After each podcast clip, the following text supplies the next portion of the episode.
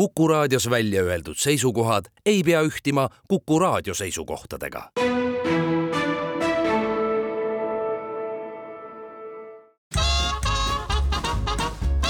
jäljed gloobusel.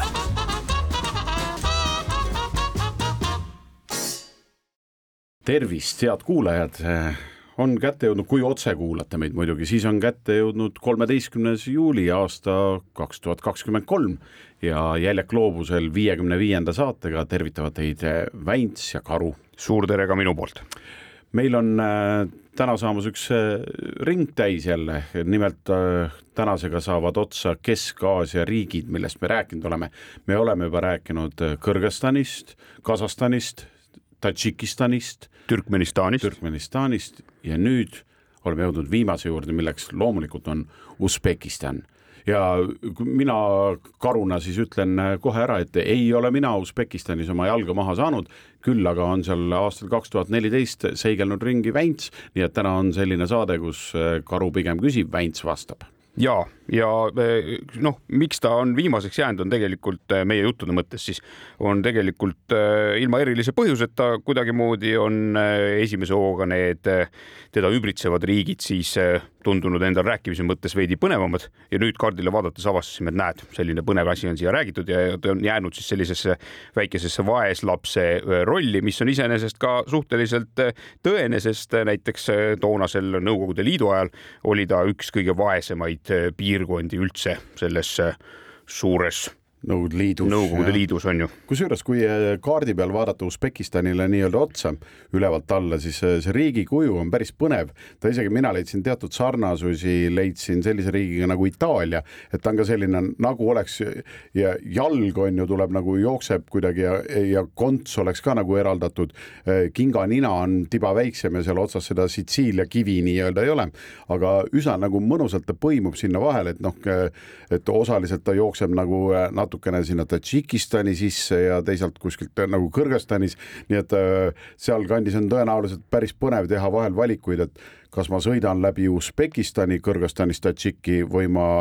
üritan Usbekistani vältida ja lähen ümber Usbekistani. näiteks selliseid valikuid võib seal tekkida. ahah, ja kui me nüüd riigi suurusest räägime, siis tegelikult on tegemist ikkagi väga suure riigiga. nelisada nelikümmend kaheksa tuhat üheksasada seitsekümmend kaheksa ruutkilomeetrit, mis on oma olemuselt natukene suurem kui Rootsi. noh, et kui me need kõrvuti laotaksime siia maakaardi peale ja mis teeb tema veel huvitavaks, on see, et noh, naabritest ma juba rääkisin, on ju, seal on Afganistan on kagus, Kasahstan põhjas ja läänes on ju, ulatub sealt üle ääre, siis on Kõrgõzstan, Tadžikistan ning idas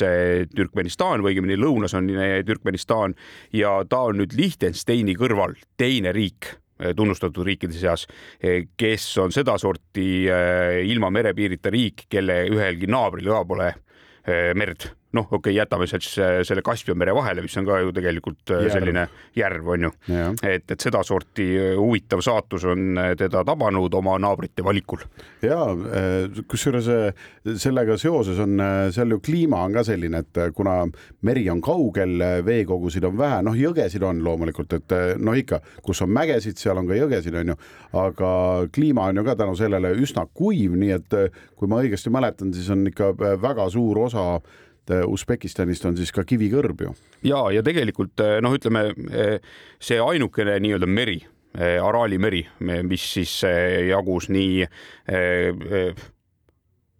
Kasahstani poole peale kui ka siis Usbekistani poole peale, selle nad on ka suutnud suures osas ära kuivatada, nii et, et ka see on nende territooriumilt ikkagi nagu oluliselt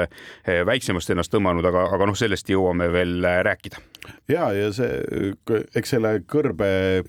kõrb nii-öelda ja stepp, mis seal nagu asetsevad, need annavad ka ju sellele majandusele täpselt selle tõuke, et täitsa arusaadav oli see, et ta omal ajal oli üks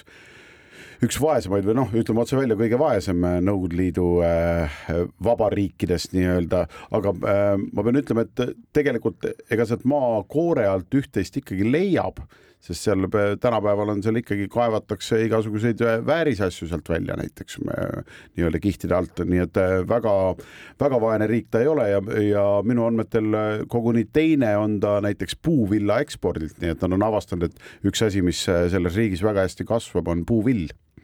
ja puuvilla kasvatavad ja tegelikult on selline lugu, et kui näiteks kahe tuhande neljateistkümnendal aastal tehti ülemaailmne eh, orjapidamise või orjanduse edetabel, siis eh, Usbekistan ja siis Usbekistan oli Mauritaania järel teisel kohal. Eh, mis siis tähendas seda, et tegelikult nad on seda last, lapstööjõudu kasutanud seal puuviljaistanduses läbi aegade ja, ja alles kahe tuhande neljateistkümnendal aastal siis nii-öelda eh, muud riigid surusid nii palju, et nad siis hakkasid tasapisi loobuma sellest laste orjatöö kasutamisest selle suure puuvilja eh, kasvanduste nii-öelda noh, kuidas seda öelda siis no,, harimisel ja, ja, ja, ja, ja koristusel. puuvilla noppimisel see käib tõenäoliselt käsitsi neil siiamaani. kusjuures jah, ma mõtlesin, mis see piiramine tähendab, et nelja-aastaseid enam ei saadeta, et nüüd saadetakse kuueseid või, aga igatahes mingi loogika on jälle ühel teisel arvul, mis mul on siia kõrvale panna Äh, on täitsa sinu jutuga tekib kohe niisugune paralleel äh, üsna noor elanikkond on Usbekistanis, nad väga vanaks ei ela ja viimastel andmetel siis kolmkümmend neli protsenti ehk siis noh, ütleme täpselt kolmandik neist on alla nelja, äh, neljateistaastased. kolmandik rahvast on alla neljateistaastased, nii et tõesti väga, väga kiiresti nad seal nii-öelda saavad täiskasvanuks ka selles mõttes, et kui, kui oled meie mõttes täiskasvanu, siis osad sind juba halli pea tausta noh, lausetega meeles peavad. ja kokku elab seal siis eh, umbes kolmkümmend kuus miljonit inimest, kellest siis kuuskümmend protsenti on niisugune eh, nii-öelda maapiirkondades elab ja kus sa juba välja tõid selle rahvastiku nooruse, siis eh, mulle meenus selle peale üks selline tore fakt, mis on talletunud kõrvade vahele. ma võin siin nüüd küll natukene eksida, aga, aga olgu siis öeldud nii, nagu ta mul meeles on, et kui sa seitsmeteistaastaselt aastaselt tütarlaps tahab abielluda, siis seda peetakse ikkagi nagu natukene liiga varaks, varaseks, aga kui sa ikkagi väga tahad, eh, siis eh, on see põhimõtteliselt eh, võimaldatav. vanemad peavad nõus olema ja siis peab ka kohalik külavanem või linnapea nõus olema ja, ja kui nemad oma nõusoleku annavad, siis võid abielluda, on ju. Eh, aga nüüd on see konks, et kui sa selle seitsmeteistkümnese abiellumise maha magad ja veel paar aastat abiellumisega hooleta oled, siis kahekümneselt oled sa juba natukene selline, et, et siis päris kõik enam sind ei taha sa oled nagu selline varu, varu, jah, varupingi tšikk on ju, istud seal, ajad oma asju. aga kui sa kolmkümmend saad, no siis on kogu lugu, on ju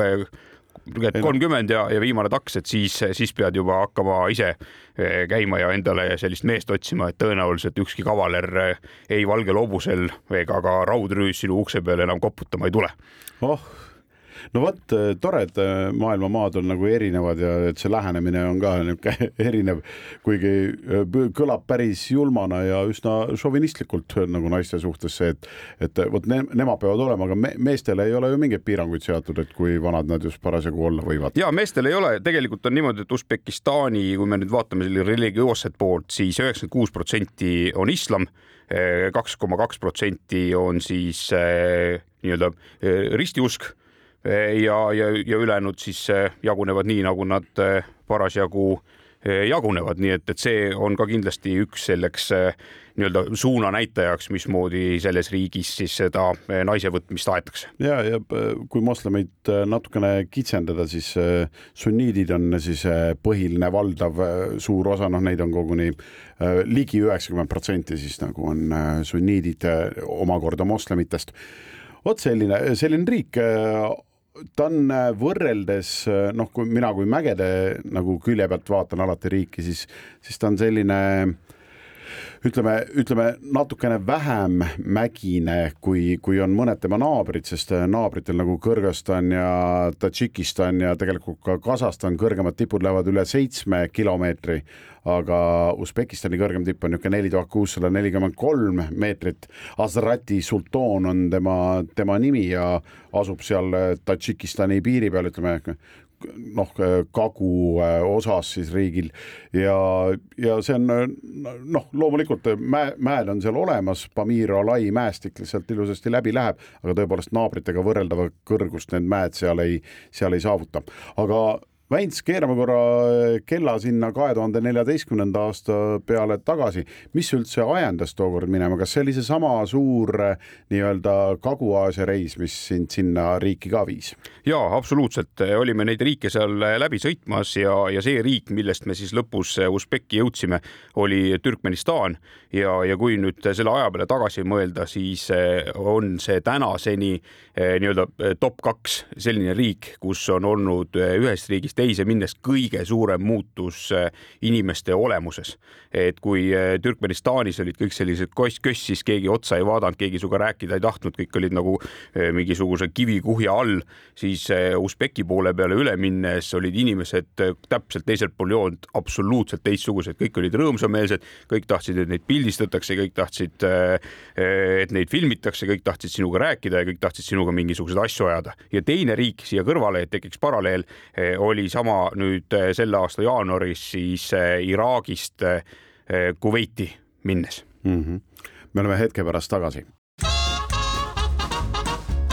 jäljed gloobusel tervist, oleme tagasi, Väints ja Karu räägivad täna sellisest toredast Kesk-Aasia riigist nagu Usbekistan. Ja just nimelt rõhutan äh, ja parandan oma vea, äh, enne lipsas korra läbi, ütlesin Kagu-Aasia, aga noh, lihtsalt mulle see kagunurk, kuna see on kõige mägisem, see oli väga südamelähedane. loomulikult Usbekistani näol on tegemist Kesk-Aasia riigiga, selge see. nii, Väints, sa kaks tuhat neliteist sinna läksid, Turkmenistani poolt tulid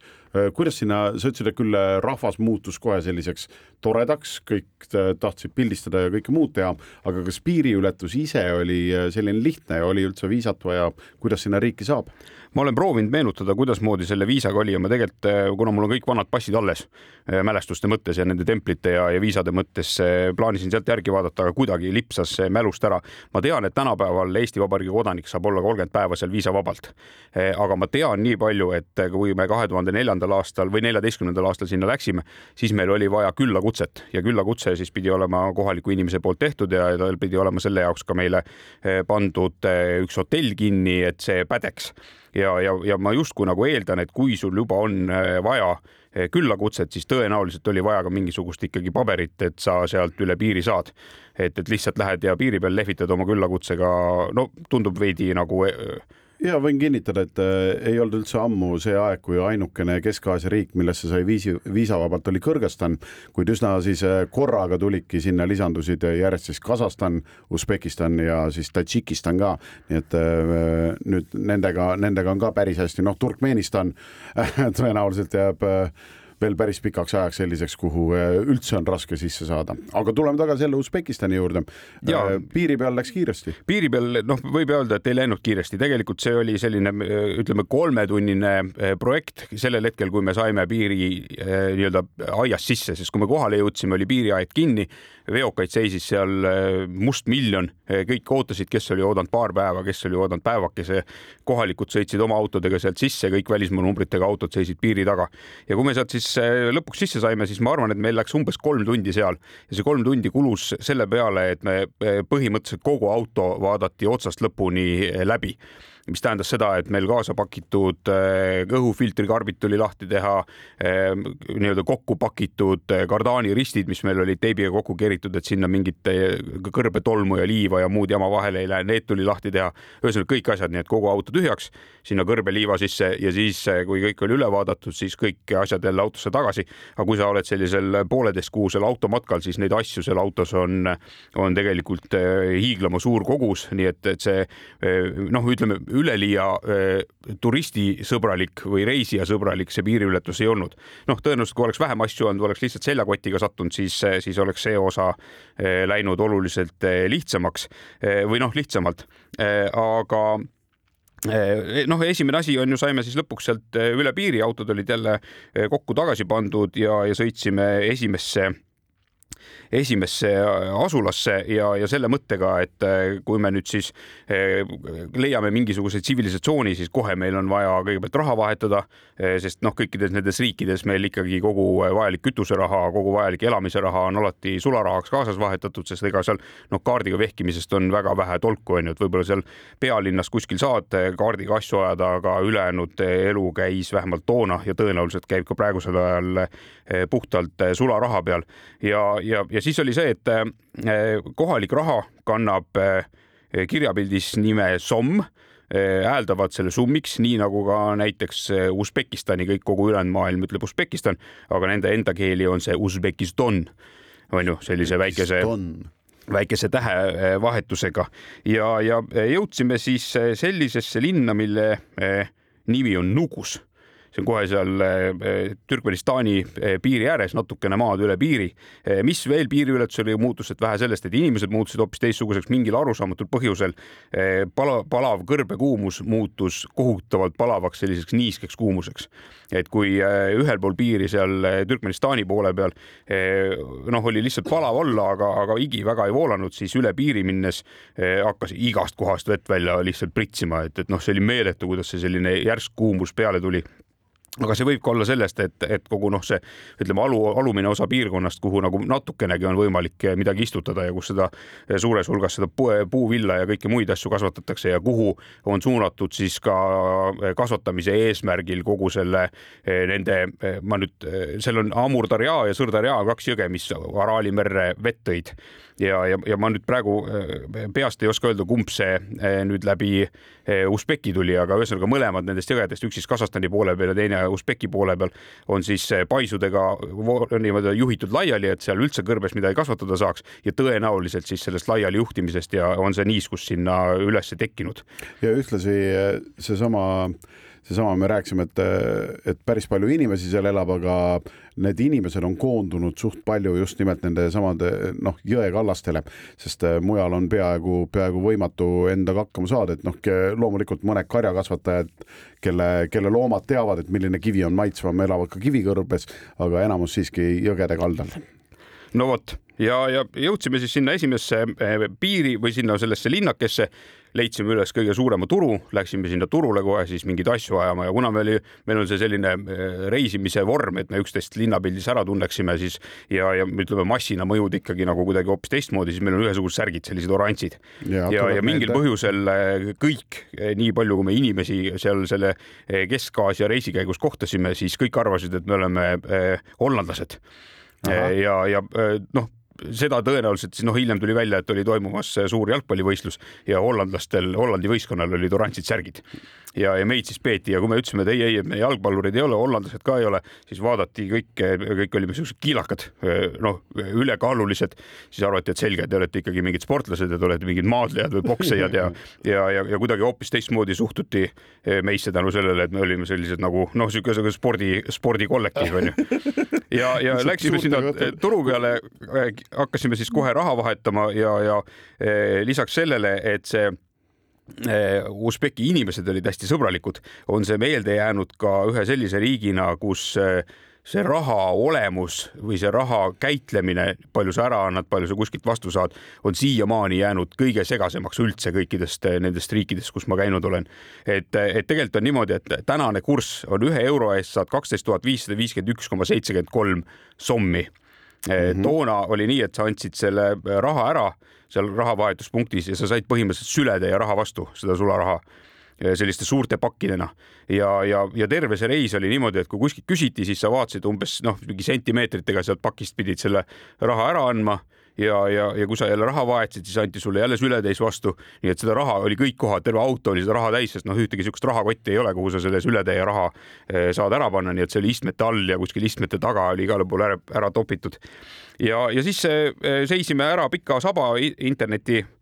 poe või telefoniesidepoe juures. Ja kohale jõudes selgus, et eh, välismaalane ei saagi endale kohalikku internetikaarti teha, selleks peab olema kohaliku inimese pass või õigemini kohalik inimene, kellel on eh, olemas pass. Ja, ja noh, kuna me seal juba niikuinii tähelepanu keskpunktis olime oma oranžide särkidega, vanad maadlejad kõik, on ju, siis tekkis järsku äh, maa seest, kui Tallinna parkimiskontrolör ja ütles, et äh, üks kohalik mees ütles, kuule mehed, et, et väikese teenustasu eest äh, teeme siis nii, et ma teen selle teie mobiilside internetikaardid enda nimele et mul on pass olemas ja kohe teeme ja, see on täitsa okei okay ja nii teeme. ja, ja küsisime, et siis, et noh, et okei okay,, mis see väike teenustasu on siis, et palju see kõik meil maksma kokku läheb ja, ja mees ütles, et noh, sada viiskümmend tuhat ja, ja, ja näitas siis selle süles oleva rahapaki pealt, et see oli noh, niisugune mingi kolm või neli sentimeetrit kogu sellest suurest kuhjast. nii, nii näitaski nagu seda, et kolm või nelja sentimeetrit. no kui see pakk on käes, siis ta jah näitas sealt, vot nii palju on umbes see sada viiskümmend tuhat, et see on see mm -hmm. teenustasu ja selle eest saate siis nagu kõik kogu lugu onju, et ei pea millegipärast väga-väga muretsema. ja, ja see tundus noh, see neli sentimeetrit kogu sellest sületäiest tundus nagu suhteliselt vähe raha ja olime kõik lahkelt nõus. mees siis hakkas eh, sahmima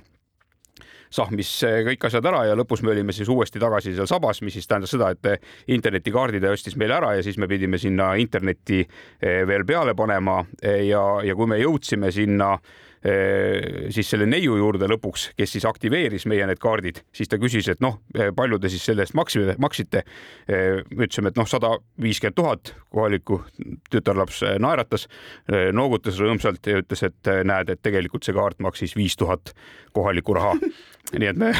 maksime rahuliku südamega sada nelikümmend viis tuhat eh, rohkem selle kaardi teenustasu tegemise eest, aga, aga noh, kuna see. arvestame, et ikkagi noh, see, et tänase kursiga on see ju mingi kaksteist eurot oli selle ja. vahendustasu hind ja see nagu pundi peale veel laiali. kaotus ei olnud suur, aga noh, põhimõtteliselt muidu oleks tasuta saanud. absoluutselt ja, ja aga noh, see oligi lihtsalt see, et see raha, ütleme kogus, füüsiline kogus eh, oli nii hoomat-, hoomamatu, et, et kui keegi näitas sulle, et sellest suurest pundist neli senti on vaja ära anda, siis see nagu tundus nii noh, nagu odav, et, et näed, võta need ka igaks juhuks peale, et need mul ka kätte ei mahu, onju.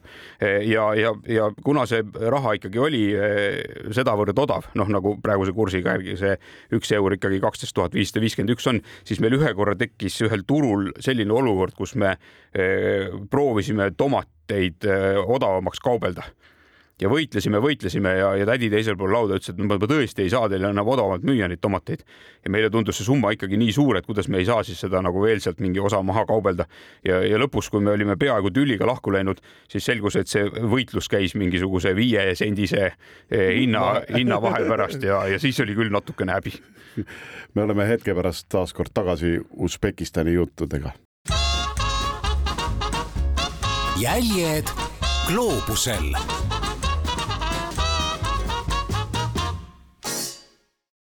oleme tagasi, Jäljak gloobusel, tänane saade räägib Usbekistanist ja Väints on seal käinud, Karu ei ole, seetõttu ma olen rohkem niisugune küsija ja Väints vastaja. Äh,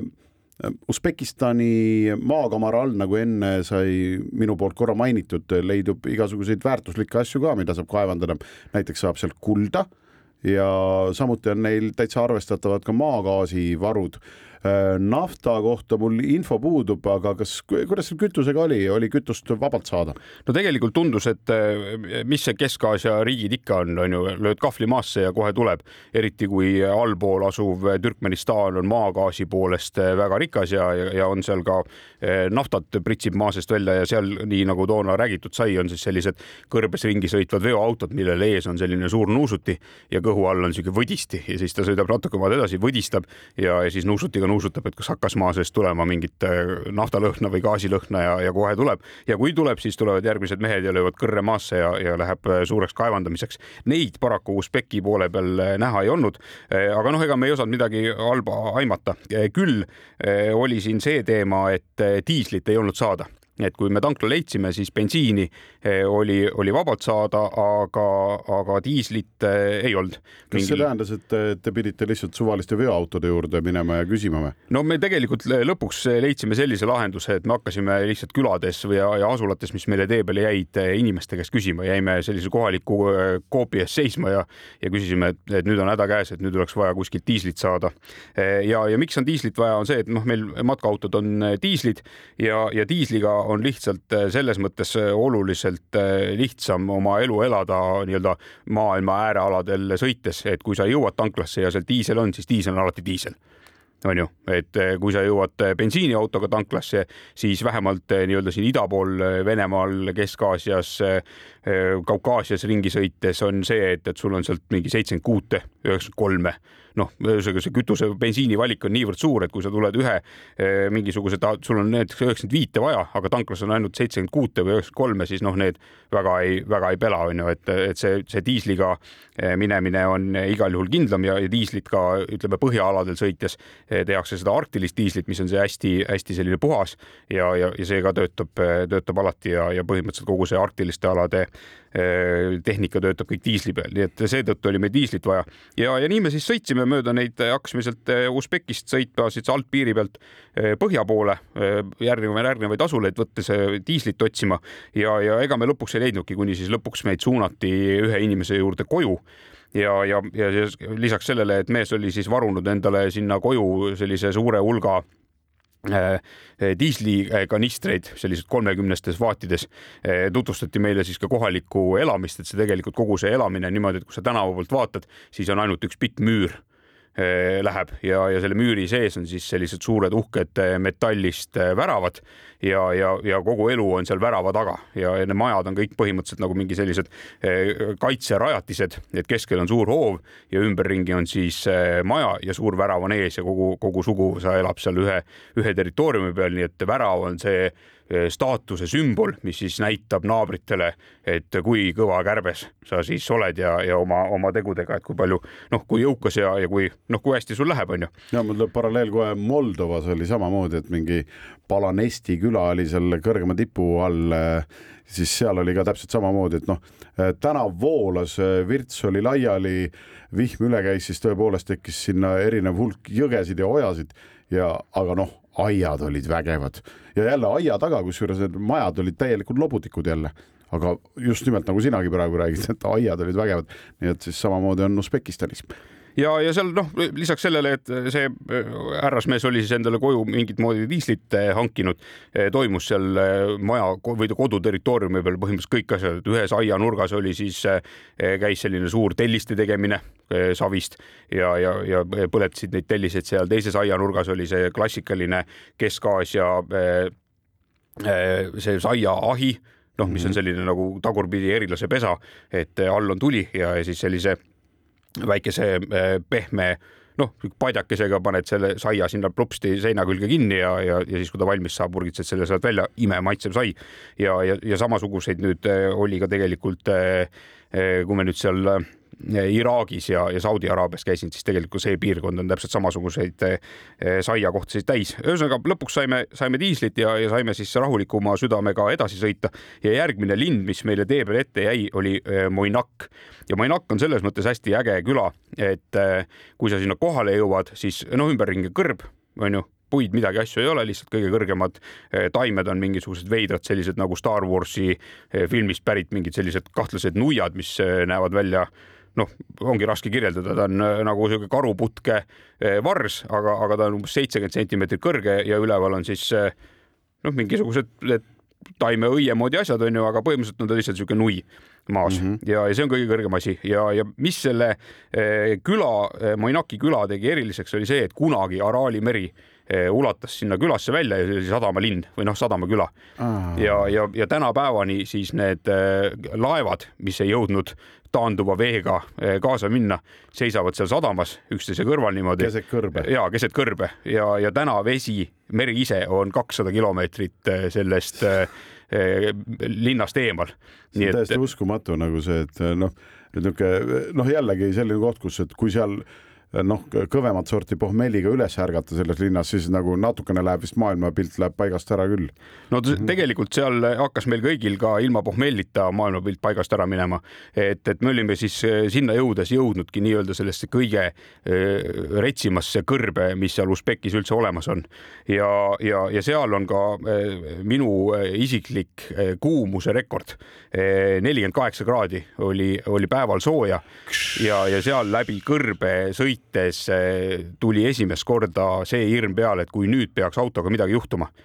eh, ja konditsioneer näiteks annab,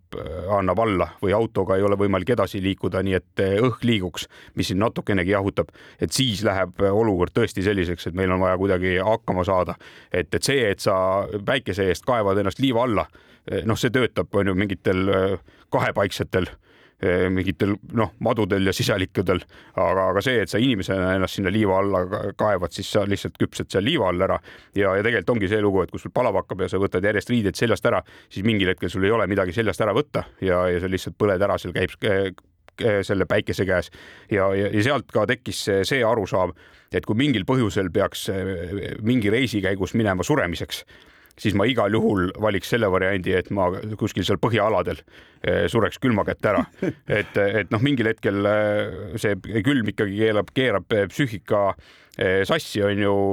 noh, muutud lõbusaks, ühel hetkel tundub, et on hullult palav, võtad riidest lahti ja, ja noh, kustud ära, on ju. aga ma ei suuda praegusel hetkel nii-öelda nagu loodusjõudude mõttes välja mõelda hullemat suremise viisi kui vedeliku puudusesse et, et eks me kõik ole tõenäoliselt tundnud mingil hetkel seda, kui suu on nii kuiv, et keel lihtsalt ragiseb ja kogu limaskest on ära kuivanud, aga, aga noh, see on kõige algus. Et, et see, kui sa lihtsalt nagu tasapisi seal eh, vedelikust tühjaks aurad, on, on ikkagi nagu täiesti noh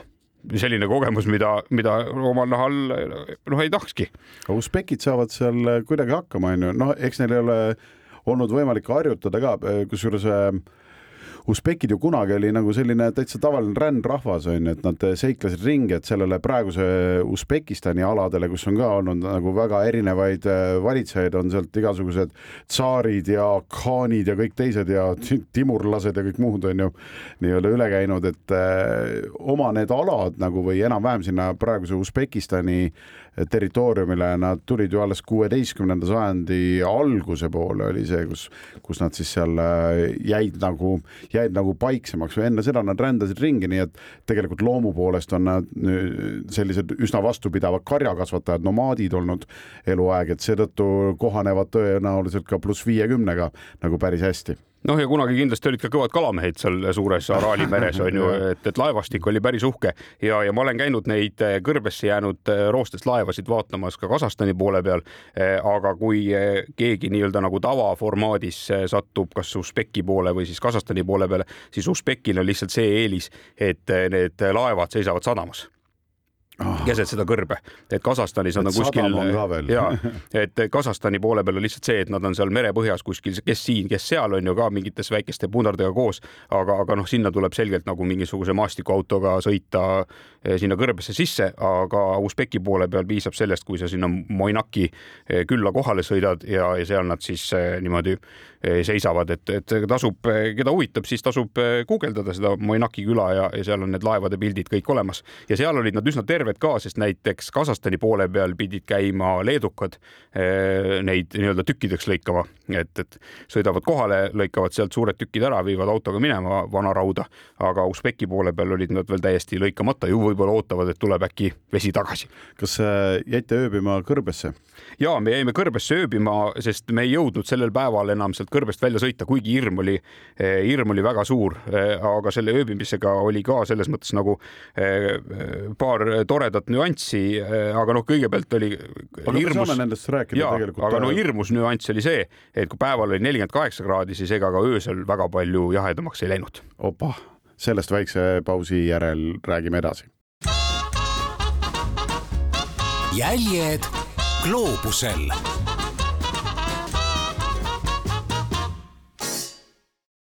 oleme tagasi Usbekistani juttudega, jäime pooleli seal, et sa ütlesid, et üks jama oli see kõrbes ööbimisega, et jube palav oli, aga mis oli teine jama? no meie kollektiiv on tegelikult selline, et vähemalt see nii-öelda autojuhtide poolne kollektiiv, kellele meeldib ikkagi sõita teevälistel aladel. Ja, ja, ja kui suures hulgas sellist kõrbe näed, siis kõik tahavad muudkui hakata otse minema. Ja, ja vaatasime sihtpunktiks siis mingisuguse järgmise asula ja, ja, ja võtsime siis läbi selle kõrbe. Eh, läbi selle kuivanud merepõhja eh, sinnapoole sihi, eh, selle läbi selle kohutava kuumuse, nelikümmend kaheksa kraadi sooja. natukene oli hirm ja, ja kui õhtul seisma jäime, siis ega me sealt kõrbest kuhugi välja ei jõudnud, noh, õhtu tuli kätte. Ja, ja panime oma telgid püsti, see oli veel see aeg, kui, kui valdav osa meist kõik telkides magasid. Ja, ja noh ega ta nüüd natuke, ütleme, normaalsed telgid on ikkagi ka kerge UV kaitsega, nii et sul mingisugune väike kaitse tekib, aga see palavus tegelikult jäi kõik alles. nii et uksed ja aknad olid kogu aeg lahti, et natukenegi õhku telgist läbi käis, muidu ei kannatanud seal elada.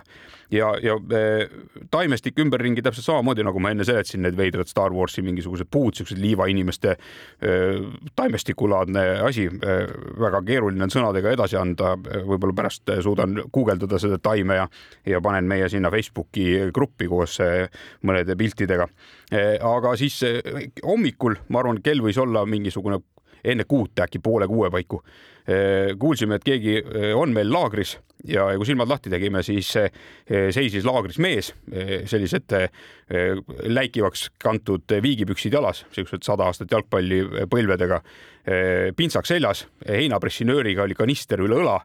kahekümne liitrine kanister. Ja, ja, ja siis äh, seisis seal ja küsis, küsis, et kes me oleme. me ütlesime, me oleme turistid ja, ja, ja magame siin ja, ja et, et kes tema on, tema, tema ütles, tema on äh, metsavaht. Et, et tema oli siis nende veidrate taimede vahel seal metsavaht ja, ja kust ta tuli, ei ole õrna aimugi, oli natuke pahane, et me olime seal äh, tema metsas. Ja, ja siis äh, midagi seal kurjustas natukene ja siis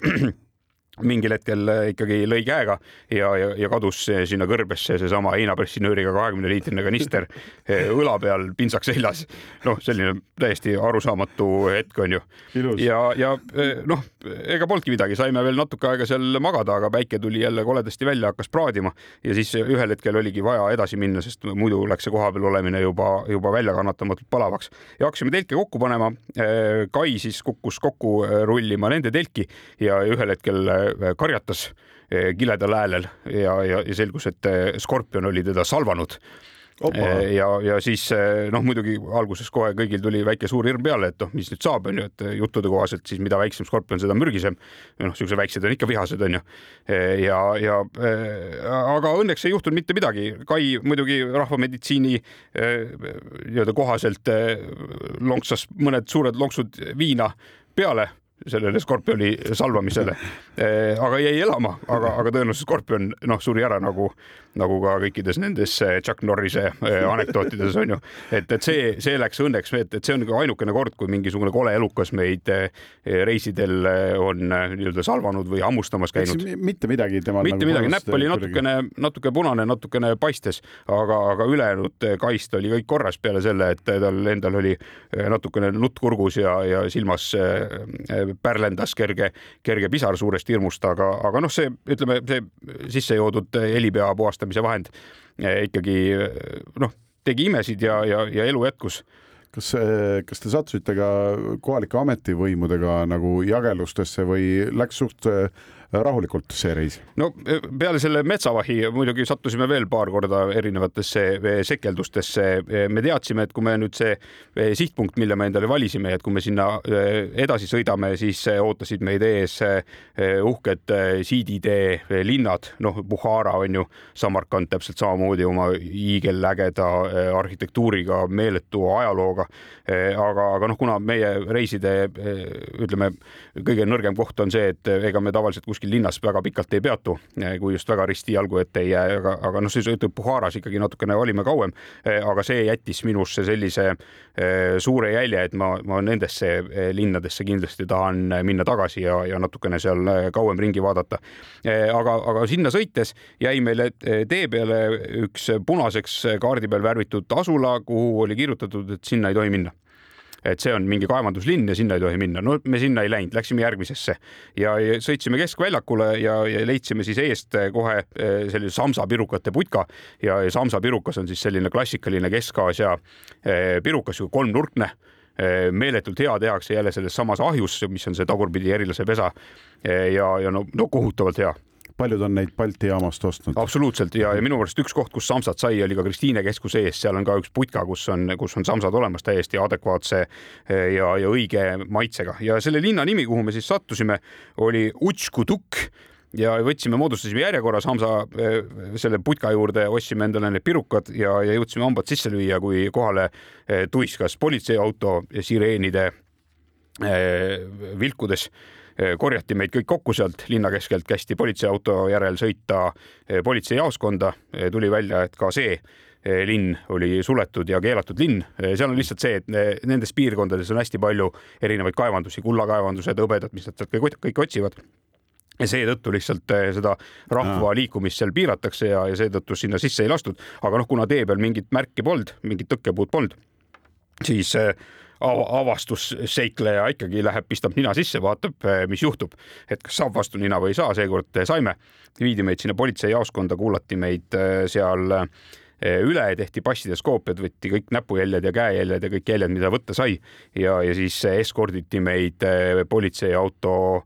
saatel linna piirile ja öeldi, et nüüd sõidate sinna suunas ja kuhugi kõrvale ei keera ja, ja, ja vaatame, et kaugele lähete, et ärge hakake kohe siin mingit jama tegema, et, et sõitke, sõitke otse mööda seda teed ja, ja kuni siis jõuate järgmisesse asulasse, et see on juba täitsa, täitsa okei okay asula. nii, kas see, kas see pärast neid suletud linnadest nii-öelda möödasaamisi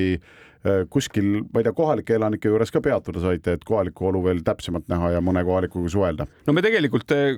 kui ma nüüd õigesti mäletan, siis kogu selle reisi valdav tankimine käis kohalike inimeste juures, kes siis jälle jäime asulates seisma, hakkasime jälle uurima, kellel kütust on ja, ja siis selgus, et ikkagi on mingisugused inimesed, kes on kuidagimoodi suutnud endale selle diisli koju vedada ja, ja, ja siis me seal kallasime neid kanistreid endale autodesse, et saaks edasi sõitma ja, ja Usbekiga oli toona selline lugu, et sa võisid Usbekis elada ja sul oli väga tore seal elada ja kõik oli rõõmus ja kõik oli tore, aga sa ei tohtinud olla väga rikas. et kohe, kui sa said väga jõukaks või väga rikkaks, siis sind nii-öelda koristati ära või koristati sinu jõukus ära. et, et see oli selline peenjoon, enne mida mingit levelit sa pidid Usbekist ära minema ja, ja, ja, ja üks selline mees oli siis ka see meie reisikaaslase Elveri sõber, Furkat oli tema nimi, oli siis see mees, kes siis organiseeris meile need küllakutsed ja, ja, ja majutas meid siis sinna Samarkandi uhkesse hotelli. Ja, ja noh, see hotelli ööbimine muidugi tuli ka kui taevakingitus, sest me olime kõik see aja elanud ju põhimõtteliselt telkides ja ja, ja, ja selles kõrbekuumuses ja, ja kõik riided olid läbi higistatud ja ise olime kleepuvad ja kõik asjad on ju. Ja siis see Furkat oli ka see mees, kes siis nii-öelda ühel hetkel ütles, et noh, peale, peale reisi, et nüüd ma varsti või noh, reisi ajal, et nüüd ma varsti pean siit riigist ära kolima. et, et siis eh, muidu noh, muidu, muidu juhtub minuga või minu selle varandusega midagi ja, ja kolis Ukrainasse onju, natuke tuli talle sõda sinna järgi, aga, aga tänase päevani elus ja terve ja, ja toimetab seal mingit restorani äri ajada. ja, ja see Furkat siis organiseeris meile seal Samarkandis siis nii-öelda kohaliku toidutuuri, viis meid sööma kohalikke hõrgutisi. aga noh, selle hotelliga, kus me peatusime, sellega oli veel see tore lugu, et autost võtsime kõik asjad kaasa, et minna hotelli ja, ja, ja siis omast arust kõik vajalikud asjad olin kaasa võtnud, aga hommikul, kui autosse tagasi läksin, siis selgus, et ma olin umbes sellise viieteist sentimeetrise rahapaki unustanud esiistme peale ja, ja aga, ja mitte keegi polnud seda öösel kuskilt sealt torkinud, et see oli kõik ilusasti seal alles. et, et, et see on jälle üks näide sellest, et kui segane see raha olukord oli, et kui sa läksid kuskile vahetama, andsid mingi sedeli ära, said sületäie vastu, midagi ostma läksid, andsid sellest sületäiest jälle mingid sentimeetrid,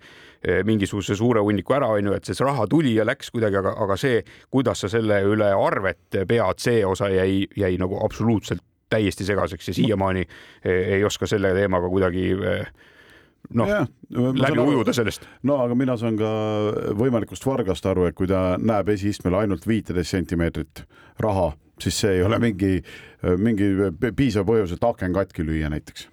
no vot ja, ja see kohaliku asjade söömine siis hõlmas seda, et kõigepealt viidi meid ühte restorani, kus siis oli terve lammas oli aetud Vardasse, keerles restorani eh, hoovis. küll oli seal keeranud juba tõenäoliselt väga pikka aega, sest ta oli selline kergelt sööstunud. aga ka see eh, mõjub reisiformaadis eh, väga mõnusasti,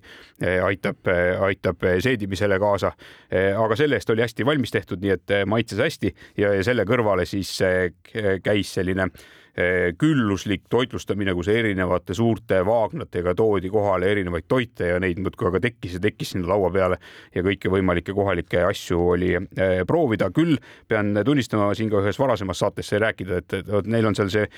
mingisugune maitseaine, mis on minu meelest kinsa või mingi selline, mis on see selline lehetäi maitseline või see lepatriinu maitseline sihuke salat, mis alati pärsib seda nii-öelda maitse naudingut või seda maitsekogemust, mis sa siis seal saad meil on aeg otsas. meie Jäljak gloobusel viiekümne viies saade rääkis Usbekistanist. Väints on seal aastal kaks tuhat neliteist käinud ehk üheksa aastat tagasi. tänu kuulamast, me jällegi paneme teile, õigemini Väints siis paneb pilte üles ka meie Facebooki lehele, mille leiate siis, kui sisestate Facebooki Jäljak gloobusel. aitäh teile. tore, et olete meiega ja püsige avarad. Jäljed gloobusel